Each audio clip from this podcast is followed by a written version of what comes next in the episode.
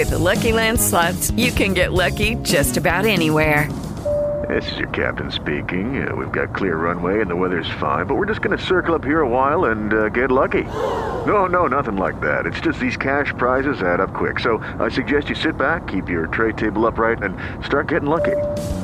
Play for free at LuckyLandSlots.com. Are you feeling lucky? No purchase necessary. Void where prohibited by law. 18 plus terms and conditions apply. See website for details.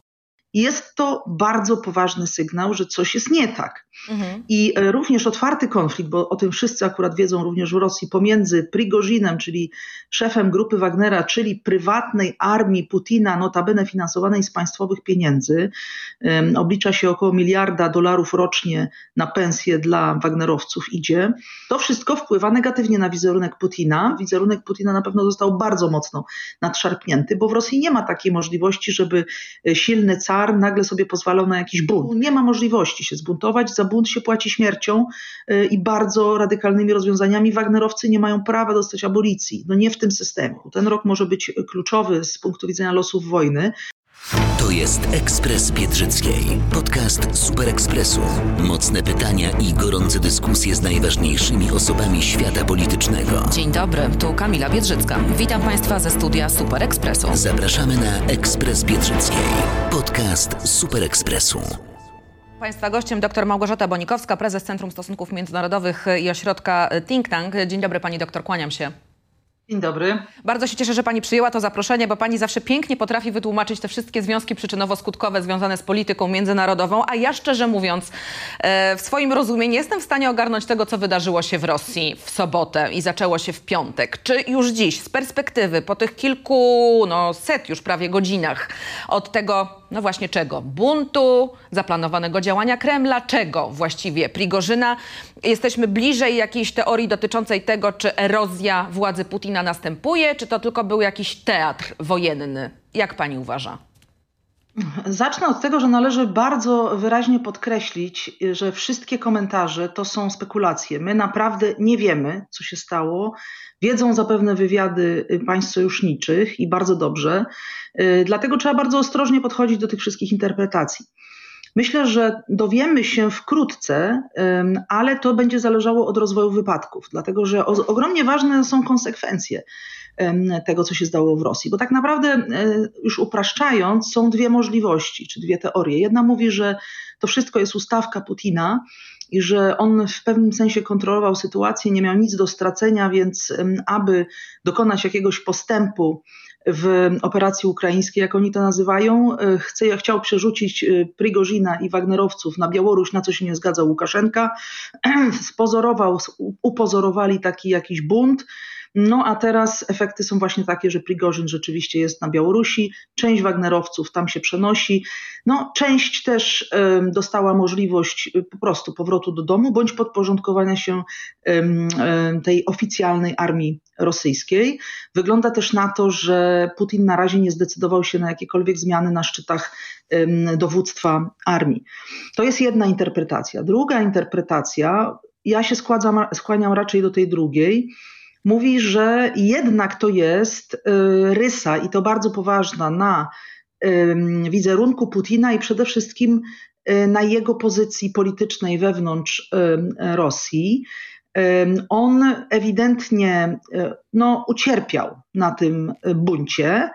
I można mówić oczywiście, że Rosjanie się tak bardzo nie przejmują opinią publiczną jak my na Zachodzie. Niemniej jednak w Rosji, w sytuacji, w której po dwóch dekadach rządów Putina nagle się zdarza bunt, jest to bardzo poważny sygnał, że coś jest nie tak. Mhm. I e, również otwarty konflikt, bo o tym wszyscy akurat wiedzą również w Rosji, pomiędzy Prigozinem, czyli szefem grupy Wagnera, czyli prywatnej armii Putina, notabene finansowanej z państwowych pieniędzy, um, oblicza się około miliarda dolarów rocznie na pensje dla Wagnerowców idzie. E, i konflikt tej armii z oficjalną armią, jej dowództwem, czyli Gerasimowem, szefem sztabu i e, Szojgu, czyli ministrem obrony, za oczywiście nieudaną e, i przedłużającą się wojnę w Ukrainie. To wszystko wpływa negatywnie na wizerunek Putina, Ale y, czy i która z tych dwóch y, koncepcji jest y, właściwa, dopiero się przekonamy w najbliższych de facto nawet nie dniach, tylko tygodniach, bo nieważne jest, co się mówi, tylko ważne jest, co się dzieje. Więc patrzmy na sytuację na Białorusi oraz w Rosji, żeby tak naprawdę móc ostatecznie powiedzieć, kto tu. Za co odpowiada. No właśnie, bo co się takiego mogło wydarzyć, e, pani doktor? Wiemy, że e, Prigorzyn ze swoimi ludźmi z grupy Wagnera wkroczył do tych rosyjskich miast, gdzie właściwie nikt nie stawiał im większego oporu. E, oni nawet byli witani z dość dużym entuzjazmem, e, można powiedzieć. E, no tylko dlaczego w pewnym momencie postanowili się zatrzymać? Z tego powodu, że Prigorzyn zobaczył, że zbyt mała liczba ludzi się do niego przyłącza, czy z tego powodu, że no, wydarzyło się właśnie coś innego, czyli dostał jakieś ostrzeżenie? Ostrzeżenie? No bo nikt nie wierzy chyba w scenariusz tego, że on nie chciał rozlewu krwi. No to jest właśnie kwestia y, interpretacji, mhm. to znaczy, który z tych dwóch y, scenariuszy jest Rozumiem. Y, prawdziwy tutaj, która z tych koncepcji jest y, realną koncepcją. Y, mówi się no, ale o tym, w sytuacji, jeżeli... jeżeli... pani, przepraszam pani y, doktor, jeszcze tylko wejdę w słowo, no, bo pani powiedziała, że raczej mm, bardziej prawdopodobny jest ten drugi scenariusz, mówiący też o tym, że no, rysa na wizerunku i na pozycji Putina się pojawiła. No więc skoro ona się pojawiła, to dlaczego nie stała się rysą jeszcze głębszą? Mówiąc krótko, dlaczego Prigorzyn się zatrzymał? To jest trochę bardziej skomplikowane. Jeżeli prawdą jest, że to nie Putin stoi za Prigozinem, że to nie jest ustawka, mm. tylko że jakby za Prigorzynem stoją niewątpliwie ktoś stoi, bo sam Prigorzyn by się tego e, odważyć nie zrobił. To nie jest polityk, to jest no to jest bandyta e, i tak naprawdę dość prymitywny człowiek, ale o, dużej, o dużym sprycie i też ewidentnie dysponujący bardzo intensywną, mocną siłą militarną w postaci wiernych mu swoich ludzi. Oni okazali skuteczność e, między innymi w Bachmucie, ale to tak naprawdę jest armia e, Putina używana do celów specjalnych i to używana ze z dużą skutecznością i w Syrii, i w Afryce, i w innych miejscach. Więc jeżeli to jest prawda, że nie Putin za tym stoi, to znaczy, że Prigorzyn ktoś powoli, powoli do tego namawiał i wykorzystał go, bo tak należy powiedzieć. Można podejrzewać, kto to był? To był ktoś z Kremla, ktoś z otoczenia Putina? To mogą być tylko i wyłącznie ludzie z najbliższego otoczenia Putina, mhm. dlatego że y, aparat władzy w Moskwie jest, y, jakby trzyma się mocno, tyle tylko, że to nie jest jedna osoba, Putin, tylko to jest grupa. I ta grupa z politycznego punktu widzenia, no tak naprawdę oligarchiczna, e, pilnująca tego, aby im się nie wymknęły spod kontroli stery władzy, może dojść do wniosku, że przedłużająca się wojna w Ukrainie jest to skandal z ich punktu widzenia, że rosyjska armia tej wojny nie wygrywa. E, ktoś musi za to odpowiedzieć. W związku z tym w pewnym momencie można dojść do wniosku, że Putin jest zbyt dużym obciążeniem i że należy jakoś z tej wojny się wyplątać. No a do tego pierwszym krokiem musiałaby być zmiana na stanowisku prezydenta Rosji. To jest również punkt widzenia Zachodu, dlatego że z naszej perspektywy oczywiście z Putinem nie ma o czym rozmawiać, bo on nie tylko rozpoczął wojnę, ale też e, popełnił zbrodnię, jak wiadomo jest ścigany międzynarodowym nakazem aresztowania i w ogóle no way, to jest zbrodniarz wojenny. Więc y, obu stronom dałoby to możliwość do jakiegoś nowego otwarcia. Od paru miesięcy narasta krytyka y, głównych dowódców armii w najbliższym otoczeniu politycznym Putina i są różne, i to przecieka, czyli to, że przecieka, to też jest o czymś y, y, świadectwo. Świadectwo jest, że ten układ władzy, on słabnie. W związku z tym, no czekamy i kiedyś musi nastąpić taki moment jakiegoś przesilenia. Tutaj z, tej, z tego punktu widzenia czas czyli przedłużająca się wojnę, wojna gra na niekorzyść Putina, no bo jeżeli on jej nie wygrywa, jeżeli nie do, dowozi zwycięstwa, to znaczy, że jest przywódcą e, nieudolnym i trzeba go zastąpić. Zwłaszcza, że Rosjanie mogą mieć już przekonanie, ja mówię cały czas o elicie politycznej, nie o społeczeństwie, bo społeczeństwo jest karpione papką i naprawdę niewiele wie. Myślę, że mieszkańcy Moskwy w ogóle byli w szoku, jeśli chodzi o marsz e, Prigozina. Nie spodziewali się na pewno czegoś takiego i z tego punktu widzenia wizerunek Putina na pewno został bardzo mocno nadszarpnięty, bo w Rosji nie ma takiej możliwości, żeby e, silny car nagle sobie pozwalał na jakiś bunt. Jeżeli do tego doszło, to jest to najlepszy dowód, że ta władza słabnie. Więc jest to e, wtedy e, interpretacja mówiąca o tym, że Prigozin ewidentnie się zbuntował. Natomiast co spowodowało, że on się wycofał? Najprawdopodobniej jakieś rozmowy na pewno nie z, tylko z Łukaszenką, pewnie wiele było rozmów, mhm. które mu coś obiecały które mu uświadomiły, że on przegra to starcie, przegra starcie z regularną armią, między innymi Kadyrow, ale nie tylko. Siły po prostu militarne są wielokrotnie większe niż te kilka, czy nawet kilkanaście tysięcy Wagnerowców, którzy mogą się bić, chociaż oni są bardzo dobrze wyszkoleni i uzbrojeni. Niemniej byłby to wewnętrzny konflikt, starcie, być może obiecano mu coś, co go przekonało ostatecznie, że lepiej do tego starcia frontowego nie doprowadzić, a być może uzyskał to, co od początku chciał, co chciał uzyskać. Myślę, że z punktu widzenia Prigozina takim bezpośrednim e, powodem e, buntu było to, że on się w żaden sposób nie chce podporządkować, ani on, ani jego ludzie, strukturze formalnej armii, ponieważ toczy z nimi ciągłe dyskusje i to jest otwarty konflikt. Gerasimow i Szojgu natomiast postanowili spacyfikować tą rosnącą w siłę y, drugą, równolegle idącą dla nich strukturę i chcieli to podporządkować. I być może namówili Putina na taki ruch, aby zmusić Wagnerowców do podpisania kontraktów z regularną armią, czyli krótko mówiąc, sprawdzili się w boju w Bachmucie, zrobili co do nich należy, no a teraz to już my ich kontrolujemy. Na co nie chciał się zgodzić Prigorzyn. Więc ja się skłaniam do tej interpretacji, że to jednak nie Putin kontroluje sytuację. Dlaczego? Dlatego, że rysa na wizerunku Putina jest naprawdę głęboka. Myślę, że to jest ogromne ryzyko. Jeżeli by to było ustawką, to byłoby to ogromne ryzykowne dla Putina, bo w tej strukturze władzy w Rosji liczy się wyłącznie siła. W związku z tym e, przywódca, który pokazuje, że no nie w pełni kontroluje sytuację, co więcej, że buntownik przeżywa i że jeszcze coś ma robić, to jest sytuacja nieakceptowalna. Buntu nie ma możliwości się zbuntować, za bunt się płaci śmiercią y, i bardzo radykalnymi rozwiązaniami. Wagnerowcy nie mają prawa dostać abolicji, no nie w tym systemie. Więc to przemawia jak dla mnie za rozwiązaniem, że to nie Putin kontroluje tutaj sytuację. No właśnie, a jaki będzie, i czy w ogóle jesteśmy w stanie to dzisiaj stwierdzić, e, los Prigorzyna? Bo raczej marne szanse chyba na to, że sobie spokojnie już będzie mógł żyć gdzieś na terenie Białorusi. W sytuacji tego typu ustawek, gdyby to była ustawka, to Putin powinien się spektakularnie rozprawić z buntownikami i wzmocnić władzę, pokazać, że tę władzę ma. No, na razie nic takiego się nie dzieje. Co więcej, wydaje się, że Prygorzin e, dostał jakieś obietnice i że te obietnice są e, dotrzymywane, czyli że on sobie będzie siedział na Białorusi. Pytanie o to, jakie dostał zadania. I tu oczywiście e, Zachód czy wschodnia flanka, w tym i Polska, podnosi larum, że jest to niepokojące, że nie tylko Prigorzin, ale przede wszystkim jego bezwzględni żołnierze nagle teraz się znaleźli na Białorusi, tam gdzie nie mogli się znaleźć już do jakiegoś czasu, bo się nie zgadzał na to Łukaszenka. To jest taka trochę podwójna znowu struktura. Niby mają być obozy dla Wagnerowców, oni się tam mają zjawić. No po co? Pytanie po co, prawda? Na pewno nie po to, żeby mieć wakacje i sobie żyć na koszt Łukaszenki.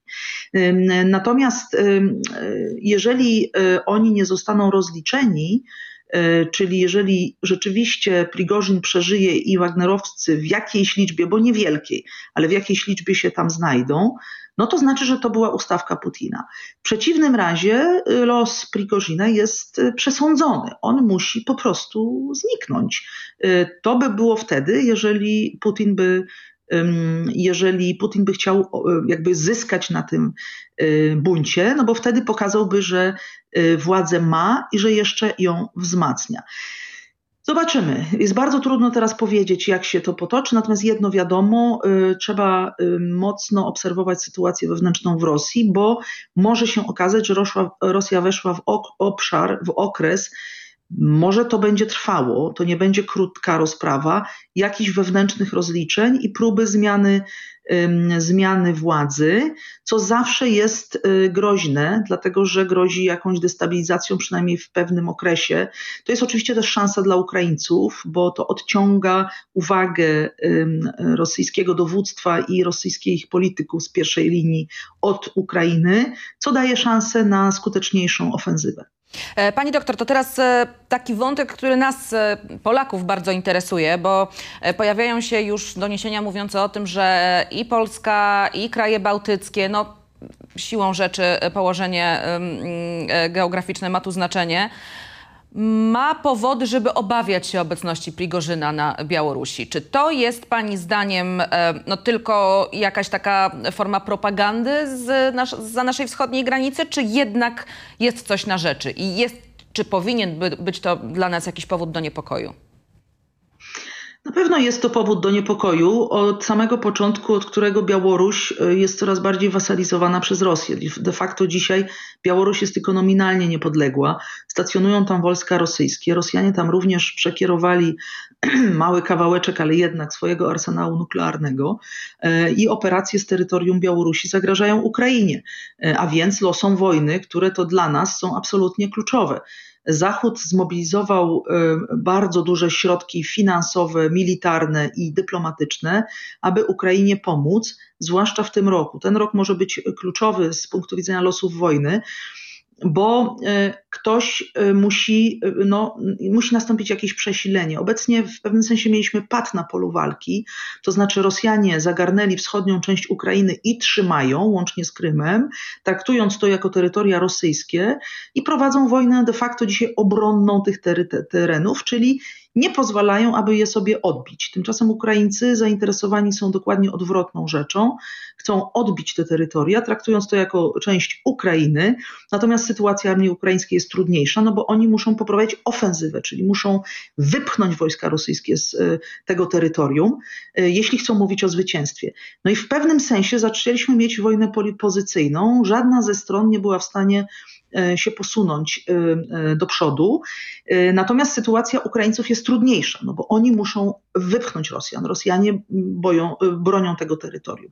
Myślę, że z punktu widzenia Ukrainy od co najmniej miesięcy ta operacja jest przygotowywana nie tylko w obszarze militarnym, czysto operacyjnym, jak to zrobić od strony wojennej, ale także w obszarze dyplomacji i właśnie być może różnych wewnętrznych rys na spójności Rosji, które mogą pomóc Ukrainie. No bo ta sytuacja wokół Prigozina dzisiaj Ukrainie sprzyja, ale to będzie krótkie okno, bo jak mówię, w sytuacji w Rosji nie można sobie pozwolić, Putin sobie nie może pozwolić na przejście do czegoś takiego, e, do porządku dziennego nad takim buntem, więc się zaraz szybko okaże, czy Putin jest w stanie przykręcić śrubę i um, uporządkować sytuację wokół siebie, czy też po prostu y, będzie słabną, a jeżeli będzie słabną, to oczywiście to wszystko działa na rzecz Ukrainy, bo będzie jakieś przesilenie na, na scenie politycznej w Rosji wkrótce, no ale to grozi destabilizacją Rosji. Więc wszystko razem jest to bardzo niebezpieczne dla wschodniej flanki NATO, bo w każdej takiej sytuacji to grozi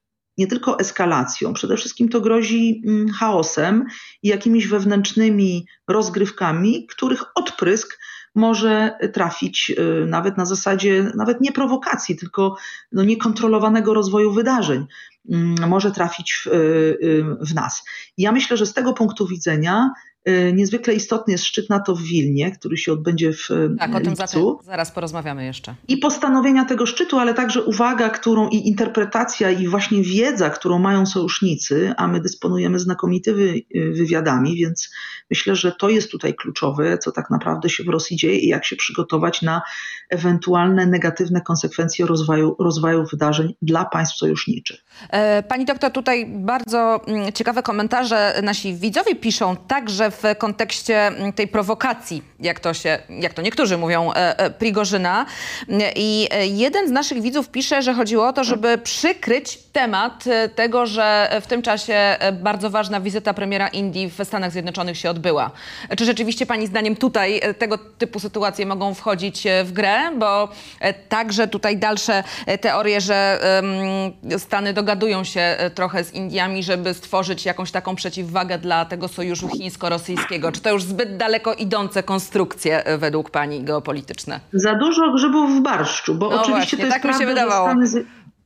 Że Stany Zjednoczone dogadują się z Indiami i próbują w ogóle rozmawiać ze wszystkimi państwami tak zwanego globalnego południa, które mają znaczenie duże.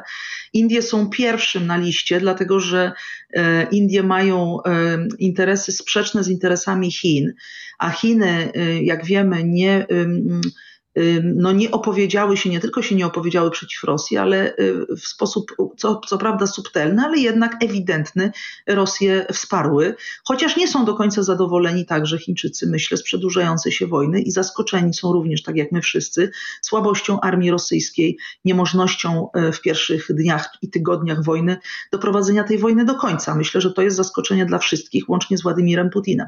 Natomiast mieszanie wizyty Narendy Mondiego w Indiach, y, w Waszyngtonie, Waszyngtonie, która ewidentnie ma służyć temu, aby przekonać Indię do bliższego związania się z mhm. Zachodem, bo Indie są pośrodku, Indie trochę kolaborują z Zachodem. Nadinterpretacja. To jest nadinterpretacja. Myślę, że to są dwie równolegle roz, y, y, toczące się sprawy. To znaczy dialog z Indiami prowadzony zarówno przez Unię, jak i przez Stany, aby Indie przyciągnąć do nas i to dać im też argumenty. Słyszeliśmy o tym, że Indie będą kupować broń od Amerykanów.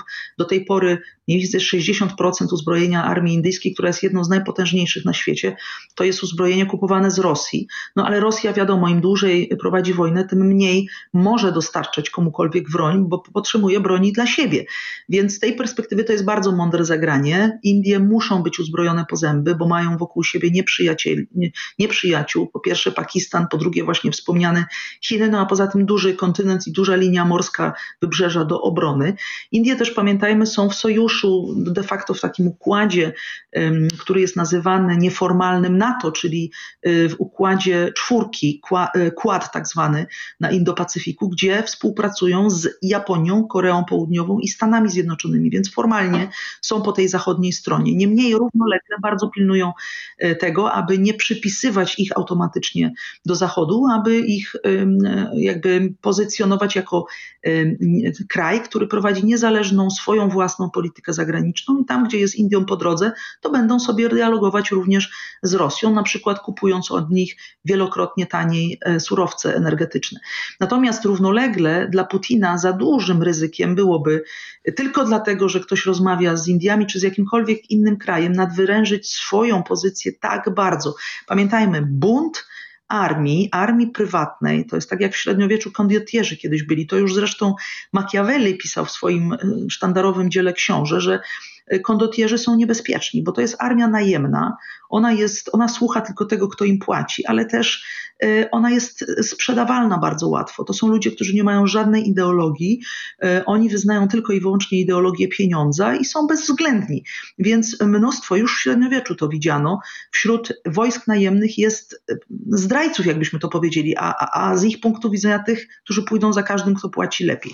Więc tego typu formacje zawsze mogą odegrać jakąś rolę odśrodkową i być może właśnie z tym mamy do czynienia, z buntem przeciwko temu, kto płacił, czyli Putinowi, z powodów, które y, dla tej e, prywatnej armii były nieakceptowalne. Ja tutaj podkreślałam ten wątek podporządkowania się strukturze armii formalnej, czyli tej armii rosyjskiej rządzonej przez Ministerstwo Obrony i Sztab Generalny. Natomiast NATO y, nie mieli najmniejszej ochoty, ani wojownicy Prigoshina, bo to są przecież przestępcy, to są bandyci, to są ludzie z więzień e, brani, a y, Prigorzin również w najmniejszym stopniu nie chce się podporządkowywać osobom, które krytykuje od miesięcy, bo konflikt pomiędzy nim a wierchuszką dowództwa armii rosyjskiej jest e, sprawą oczywistą również dla Rosji. Pani doktor, to teraz jeszcze dwa słowa o tym szczycie Sojuszu Północnoatlantyckiego w Wilnie. Wczoraj Jens Stoltenberg, sekretarz generalny, mówił o tym, że trzeba wzmocnić nasze bezpieczeństwo także pod względem finansowym i że ma nadzieję, że te 2% na obronność z PKB to będzie tylko baza, a nie sufit. E, czy to jest jeden z wniosków, który Pani zdaniem przede wszystkim powinien popłynąć z tego szczytu? No, pytanie, czym ten szczyt się zakończy, dlatego że o tym postulacie się mówi już od jakiegoś czasu. Pamiętajmy, że póki co mamy do roku 2024 ustalenia między sojusznikami, że powinni dojść do 2% PKB. Tymczasem tak się nie dzieje. Nie więk- można powiedzieć, mniejsza e, liczba państw w sojuszu e, spełnia ten warunek dzisiaj, w tym Polska, większa nadal nie spełnia. Więc tutaj nowa propozycja polegająca na tym, że od roku 2024 2024 to będzie minimum. To jest oczywiście bardzo słuszny postulat, zwłaszcza z perspektywy wschodniej flanki. Jest tylko pytanie, jak to wyegzekwować. Mnie się wydaje, że najwyższa pora, aby sojusznicy w Europie y, zdali sobie sprawę, że sytuacja jest poważna i będzie poważna na lata. Dlatego taka remilitaryzacja Europy jest niezbędna w sytuacji no, rosnących zagrożeń na świecie. Niestety Europejczycy mentalnie są y, nadal kontynentem, który do wojny podchodzi niechętnie i myślę zwłaszcza o państwach zachodniej i południowej części Europy, które nadal nie traktują wojny w Ukrainie jednak jako wojny swojej. W tym sensie, że oczywiście popieramy wszyscy Ukrainę. Tutaj nie ma żadnych rozbieżności pomiędzy sojusznikami. Wszyscy się jakoś wkładają na pomoc zarówno finansową, jak i militarną na Ukrainę, zwłaszcza teraz, kiedy jest ta kluczowa faza wojny i można liczyć na to, że doprowadzi się do jakiegoś przesilenia. Niemniej państwa mm, zachodniej i południowej Europy nie traktują zagrożenia ze strony Rosji jako realnego, a my na wschodniej flance y, bierzemy pod uwagę to realnie. To znaczy uważamy, że no może nie teraz, bo Rosja jest uwikłana w wojnę, ale nie można w żaden sposób wykluczyć ataku prędzej czy mhm. później e, ze strony rosyjskiej. I to jest różnica percepcji, dlatego u nas 4% PKB nie tylko, że jest zgoda na to, ale jest też poparcie społeczne. To samo dotyczy krajów bałtyckich, to, tam, to samo dotyczy wszystkich w zasadzie krajów bukaresztańskiej dziewiątki. Węgry tu tylko są e, odmienne. E, natomiast nie dotyczy takie przekonanie zachodniej i południowej Europy. Tam jest raczej dominuje taka koncepcja, że no owszem, wojna w Ukrainie jest w Europie i tu w związku z tym oczywiście nie ma wątpliwości, komu pomagamy, ale trzeba doprowadzić do zakończenia tej wojny. No a z Rosją będzie trzeba się jakoś ułożyć na jednym kontynencie, no bo ona nie znika.